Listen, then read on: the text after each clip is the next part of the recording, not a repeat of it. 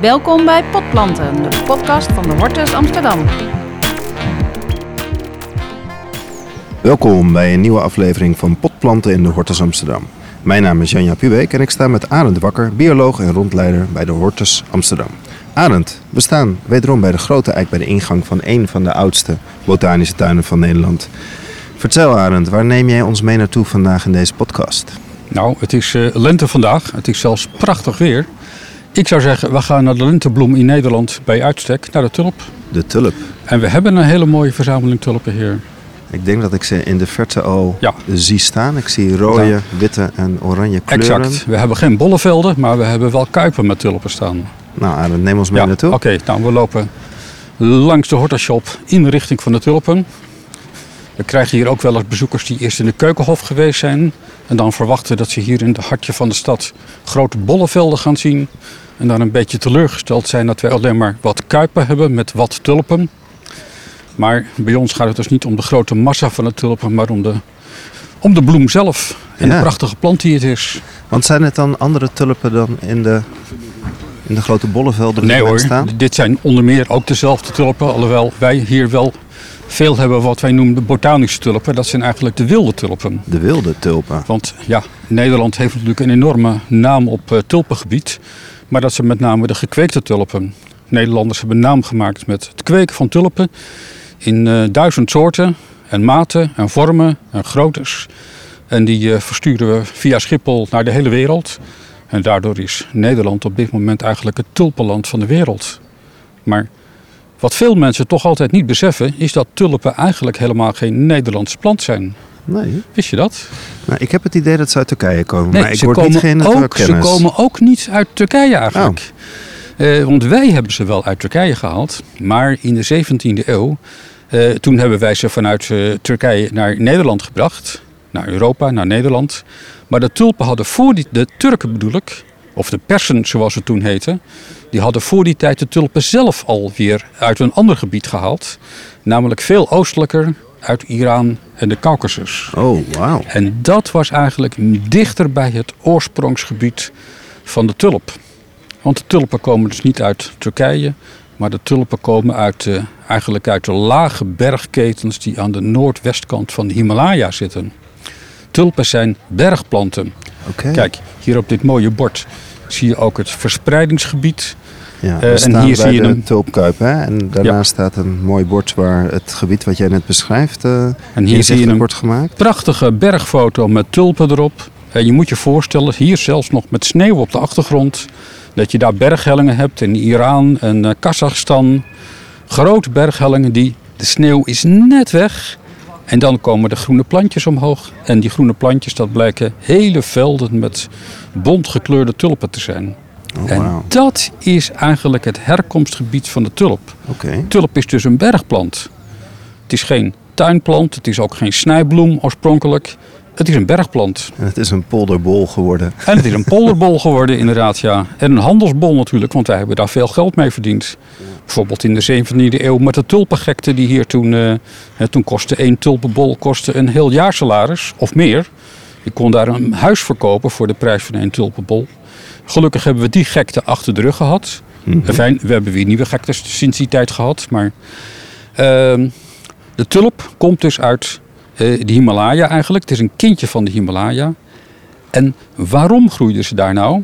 Nou, Ja, de vertel. Himalaya is een gebergte wat ontstaan is nadat India eh, vanuit het zuiden naar Europa gereisd is. Eh, India botste tegen Azië aan. En op het scheidingsgebied tussen India en Iran, daar verscheen een enorm hoog gebergte, het hoogste gebergte ter aarde. En op die berghellingen, die zich dus vormden vanaf 25 miljoen jaar geleden tot op de dag van vandaag, eh, ja, daar kreeg je dus allemaal nieuwe berghellingen. Op hoogtes en breedtes waar planten die daar vroeger groeiden in het laagland niet aan gewend waren. En die lager gelegen planten die probeerden die berghellingen te koloniseren. En terwijl ze dat deden, verkregen ze ook nieuwe eigenschappen om daar goed te kunnen overleven. Dus wat we tegenwoordig weten is dat op de hellingen van dat nieuwe gebergte heel veel plantensoorten en plantengeslachten ontstaan zijn. En de tulp is daar eentje van. Dus de achtergrond van. En dat verklaart eigenlijk ook heel veel eigenschappen van de tulp. Dat het eigenlijk een bergplant is. Je moet je voorstellen, daar op een uh, winderige plek, op een fantastisch mooie berghelling. Helemaal groots met dalen in de verte en sneeuw in de verte. De sneeuw is net weg, rond je voeten. Daar verschijnen de plantjes. En die planten die daar omhoog komen, die hebben dan maar een mogelijk groeiseizoen van drie maanden. In die drie maanden moeten ze dus groeien, bloeien, vruchten maken, energie opdoen voor het volgende seizoen. En dan verdrogen ze weer en komt er weer, wordt het weer kou en komt de, wind, de sneeuw er weer overheen. En in die drie maanden moeten ze dat allemaal doen. He, een van de dingen die daarbij uh, opvallend is, dat zijn natuurlijk de felle kleuren. Ja. Op het moment dat ze bloemen hebben, moeten ze al van veruit insecten kunnen aantrekken. Ja. En vandaar die hele felle kleuren. Ja. Daar wil ik een vraag over stellen, Arend. Want uh, ik weet bij andere planten is het nog wel afhankelijk de kleur van de, de, de, uh, wat er in de, in de grond aan voedsel voor de planten zit. Is dat bij de tulp ook? Is de kleur van de tulp afhankelijk van waar die staat en wat zijn nee, omgeving bij, bij, bij, tulpen is dat niet bekend. Bij tulpen zijn ze, hebben ze gewoon de kleur die bij de soort past. Oké. Okay. En als dat een beetje varieert, dan zijn dat de variaties waar kwekers hun slag in gaan slaan. Maar hè, wat we nu hebben, hier hebben we bijvoorbeeld een, de allereerste tulp is wel een wilde tulp. Dat kun je zien, want hier staat geen naam tussen aanhalingstekens achter. Dat ja. betekent dat dit een wilde soort is eigenlijk. En hij is voor het eerst in 1873 beschreven, staat hier. En hij komt uit Centraal-Azië. Precies dat gebied wat ik zeg. Ja. Maar die wilde tulpen, ja, hier staat dat ze rood-geel zijn. Uh, dat wil zeggen, dan heb je wel eens wat gelere variëteiten en wat rooiere variëteiten. En uh, ja, als je als kweker nou bijvoorbeeld hieruit een, een iets andere kleur rood wil hebben. Ze verwachten dat de komende tien jaar rood bijvoorbeeld uh, extra in de mode zal zijn. En een kweker wil een rode tulp. Dan gaat hij een aantal van die rode exemplaren van deze tulp gaat hij selecteren. En dan kruisen met wat andere, andere tulp met een of andere eigenschap.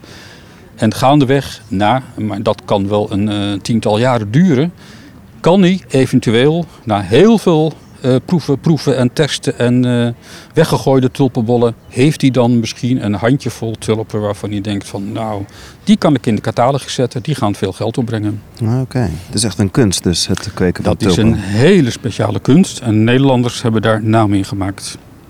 Ja. Ik, uh, ik werk in Leiden en ik rijd nu elke dag uh, door enorme tulpenbollen naar mijn werk. Ja. Daar, uh, daar staan ze. In noorden van Noord-Holland zit natuurlijk ook helemaal vol op dit ja, moment. dat zijn nieuwe bollenvelden daar. Hè, de, tussen Leiden en, en Haarlem, dat waren natuurlijk de, de, klassieke bollenvelden. Overigens heeft in Leiden natuurlijk de eerste tulp in Nederland gegroeid. Ja? Die was hier toen de, door de eerste directeur van de Leidse Hortus geïmporteerd. Of geïmporteerd, meegenomen eigenlijk van zijn vorige werkgever. Dat was de, de keizer in Wenen. Uh, en in de Leidse Hortus heeft dus de eerste tulp gestaan. En uh, Clusius, zo heette die man, uh, die leidde daar zijn studenten langs om ze te leren hoe een tulp eruit zag. En heel snel daarna verschenen in de stad bij andere kwekerijtjes ook tulpen. Okay. En het sterke vermoeden is dat die tulpen die daar verschenen door de studenten gejat waren, s'nachts over de schutting van de Leidse Hortus gesmokkeld waren. En daar konden ze natuurlijk hun uh, studiebeurs en hun uh, drankgelagen mee betalen. Ah, studenten slim. blijven studenten. De studenten blijven ja. uh, inventief, hm. Arend. Ja. Maar je kunt je ook nog afvragen, wat is een tulp nu eigenlijk? Want Nou. we kijken altijd naar de bloem. Maar we hebben het natuurlijk altijd over bollen. Nou, de bollen zitten in de grond. En die bollen die bestaan net als een ui uit een harde onderkant. En daarboven heb je de, wat we noemen de rokken. Een ui heeft rokken, maar een tulpenbol heeft ook rokken. En die rokken zijn eigenlijk hele korte bladeren. Vlezige, korte bladeren met veel reservevoedsel erin. Eh, aan het eind van het groeiseizoen dan sterven al die bovengrondse bloemstengel en die bladeren verdwijnen. Maar dan heeft hij inmiddels rondom zijn, de knop die in de bol zit, heeft hij allemaal van die harde vlezige bladen opgebouwd.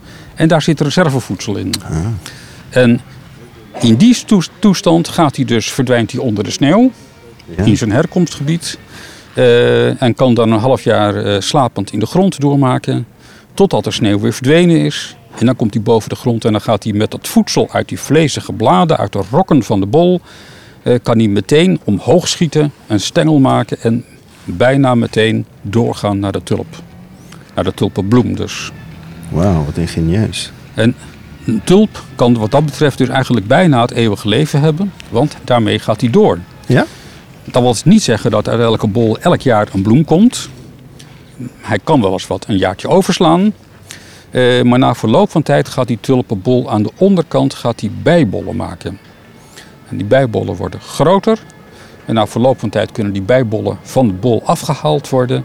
Die zet je in de grond en dan heb je wel weer een nieuwe tulp. Dan heb je een nieuwe tulp. Met dezelfde eigenschappen als de moederbol. Oké. En dat is de manier waarop onze kwekers de tulpen vermeerderen. Veel mensen denken nog altijd aan zaad. Maar als je het via zaad doet, dan ben je eigenlijk de eigenschappen van de plant kwijt. Hmm. Terwijl een kweker wil van één type bloem wil hij 10.000 kopieën hebben. Ja. Want dan kun je ze in de catalogus zetten. Ja. En dat vermeerderen gaat dus via bijbollen, van bijbollen, van bijbollen. En dan is de kweker gewoon elke keer bij die, bij die bollen de bijbollen aan het plukken, zeg maar. Ja, En die... En eh, voor kwekers zijn die bloemen dus eigenlijk eh, snijafval. Ja. Want die bloem gaat er heel snel af. Bij de kwekers tenminste. En ja, toen zaten die kwekers altijd met... Ja, wat doen we met die, bollen, met die bloemen bedoel ik? Want die bloemen zijn wel mooi. Schilderijen maken. Nou, schilderijen maken. En toen kwam het idee... We kunnen ze wel eens op een wagen doen. En een soort bloemencorso beginnen. Ja. En dat is de achtergrond van de bloemencorso. Van je afval iets moois maken. We zullen eventjes eh, naar een, een, een wilde tulp. Want dit is eigenlijk dit is wel een, eh, dit is wel een wilde tulp. Maar we gaan nog even naar wat wildere tulpen kijken. En dan zul je zien dat tulpen in de natuur vaak veel kleiner zijn. Kijk, dit zijn echt, kijk hier heb je een tulp. Tulpje La, la, la, la libela. La libela. La libela. La Liebe. Nou, dit is een hybride en dit is een variëteit. Hier zie je zo'n naam tussen aanhalingstekens. Deze staat dus in een catalogus van een kweker. En deze is begonnen in 1999. Deze variëteit is nou dus eh 10 jaar oud. En in die 10 jaar hebben deze planten dus geen seks gehad. Ja, 20 hè? 20 Eh, jaar. sorry, 20 jaar, Ja. 20 jaar. En deze 20 jaar zijn seks voor deze planten verboden. Nou ga je hier, als je, want we hebben hier ook heel wat, wat oude variëteiten staan. Ja. Eh, en die hebben soms hele lange. We eens even kijken of we een hele oude. Kijk, hier heb je al een wilde tulp. Tulipa zweeviolens. Een rot. Deze is in 17. 1794 al beschreven, maar hier zie je dat het dan een kleinere tulp is. Met kleinere bloembladen. Want eh, ja, die tulpen met die hele lange stengels, zoals daar. Je kunt je voorstellen, als je nou als tulp staat op een bergvlakte en het waait natuurlijk een beetje. En je hebt ook nog eens van die hele grote zware bloemen erin. Dan waait de boel stuk. Ja. Dus dat kan helemaal niet. Dus dat is nou echt een kwekersbloem en dit is een wilde bloem. Hij is klein, fijn, En klein. open hè? De bladeren zijn eigenlijk open. Ja, hier heb je trouwens een tulp met meerdere bloemen op één stengel. Toen ik dat voor het eerst dacht ik, wat is hier mis met deze tulp? Maar dit is ook een wilde vorm. Niet alle tulpen hebben op elke stengel één bloem. Sommige tulpen hebben meerdere bloemen op één stengel. Ja. En het zijn nog mooie ook, mooie Ja. geeltjes. En deze komen uit Afghanistan. Aan de randgebieden van de Dus dat is Himalaya. nou eens een mooi, mooi bericht uit Afghanistan. Ja, mooi kleurrijk bericht uit Afghanistan. nog mooier. Deze is in 1844 beschreven en deze komt uit Turkije, de Caucasus tot Afghanistan. Nou, dit is nog een lager tulpje. Eh, heel fijn, klein tulpje. Nou, Ja. als je nou dit soort tulpjes ziet, dan, dan waan je je al bijna op eh zonovergoten, een beetje winderig berghellingen. Met hele berghellingen die kleuren van één bepaald type bloemetje. ja. Hey, en de bakken zijn gevuld met aarde, maar daaroverheen ligt overal een laag zand. Heeft dat Hier nog een ligt een specifieke beetje. reden? Ik geloof niet dat dat hier. Waarschijnlijk heeft dat. Ik, geen flauw idee wat dat hier eh, voor reden heeft. Nee. Er is wel overal een beetje zand overgegooid. Eh, onze geestgronden. Dat zijn eigenlijk eh, hè, waar wij dus de, de bollevelden hebben. Dat zijn wel vaak zanderige planten, dus zanderige bakken. En onze, de grond die hierin zit is wel een beetje gemengd met, met aarde. Maar om dat een beetje te versterken is hier echt een laagje zand overgegooid nog weer. Eh, ze zijn dus zanderig. Ze moeten goed, eh, goed eh, ontwaterd zijn, de gronden. Hè. Op de berghellingen zijn ze natuurlijk ook ontwaterd. Ja, en dan hebben ze het naar hun zin, zoals deze. Ja. Nou, dankjewel Arend voor het verhaal van de tulpen. en dit was een gesprek met Arend Wakker in de Hortus Amsterdam. Deze podcast is een van een serie te beluisteren via iTunes en Spotify. Wil je nou de tulpen zelf komen zien? Kom dan naar de Hortus in Amsterdam. Meer informatie over openingstijden en andere informatie vindt u op www.dehortus.nl.